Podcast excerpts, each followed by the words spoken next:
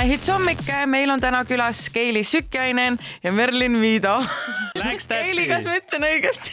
ütlesid õigesti. kui ma hakkan ütlema, siis mul tekib paanika, et äkki ma ikka ütlen valesti, aga mul läks õigesti. minu nime õigesti saad, siis sul on väga hästi. aitäh, aitäh. Te olete meil nüüd külas sellepärast, et teil on tulemas uus saade täna õhtul juba eetrisse Kodud rahaks. rääkige mulle, kuidas te üldse tutvusite ja kust see idee tuli, ma arvan, et Keililt, ma tean Keililt, et see tuli raudselt Keili idee ja siis ta tõmbas Merlini endaga see, kuidas me paati. tutvusime, on muidugi omaette lugu, sest äh, kui oli kaks tuhat kakskümmend kevad äh, karantiin, mul oli kuidagi oma magamistuba nagu niisugune pläss ja ma ei teadnud, mis sellega teha. ja siis ma scroll isin igavuses Instas ja vaatasin, et aa, nii lahe. Ja ma mõtlesin, ma kirjutan talle, kuule, et mis sa arvad, et äh, tule mulle veits appi ja anna kasvõi nõu, et ma võin sulle mingeid linke saada, et mis sobib või mitte. ja ta lendas kohe pea ees niimoodi, et ja, ja teeme, teeme, polnud kunagi elus näinud, lasin inimese enda magamistuba nagu sisustama. Ja see oli väga-väga lõbus, sest mul läks ikka päris palju asju pekki ja ta käskis mul kohe kõik asjad mustaks värvida, lõpus käskis mul uksed mustaks värvida. Ja siis mu ekspeika veel mõtles, et mis asja, et mingi võõras inimene kuskilt Instagramist, mina nüüd mingi, mingi lihvin mingeid uksi siin keset elutuba.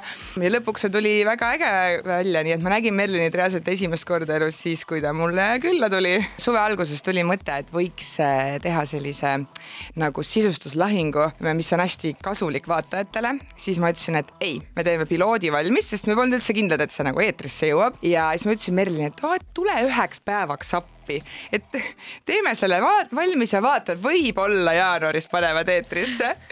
ja, ja tegelikult tuli nii kihvt saade kokku, et, et kanal viskas umbes hundirattaid ja ütles, et palun, palun, palun, palun, palun pange septembrisse. ja siis äh, selles mõttes nagu öeldakse, et rest is history ja Merlinil on nüüd mingi viisteist halli karva.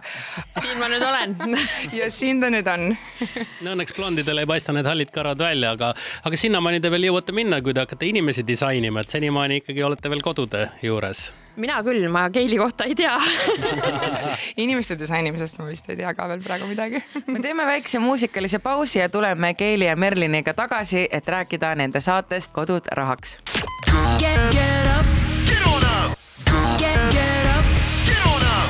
Maihits hommik, meil on täna külas Kodud rahaks saatejuhid Keili Sükjainen ja Merlin Miido ja rääkige mulle nüüd, kuidas teil need võttepäevad läksid, kuidas te need inimesed leidsite ja kas oli lihtne tuhande euroga siis kodu ümber muuta?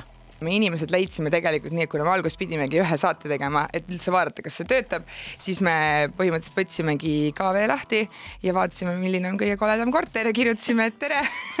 me teeme teie koledast.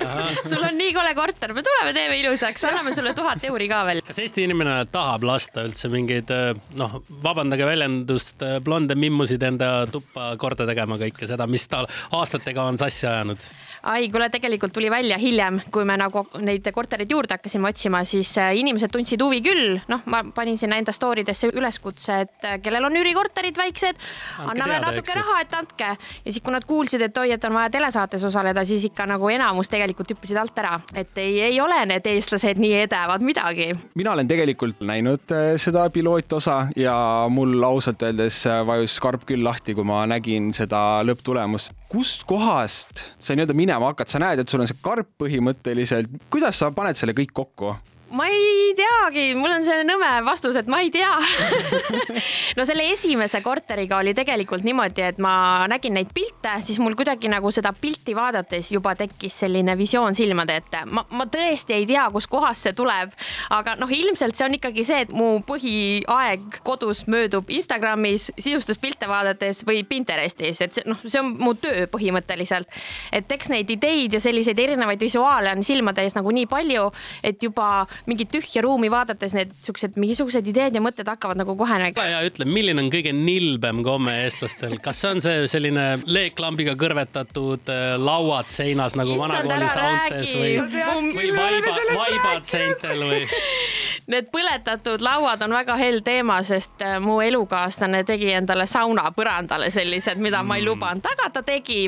Very fancy. jumaldad seda, eks ju? absoluutselt aga issand, mis see kõige nilbem? ühest me rääkisime küll, et köögid, mille, mis on nagu mingid läikivad, mingit punast, erkoranži värvi ja siis seal on näiteks New Yorgi taust niimoodi issand jumal. see on selline vana teema pigem, et praegu vist ikkagi inimesed pigem, vähemalt mina kuule, ei. See Viljandi korter see oli vana köök, see oli vana köök. päris hea trauma.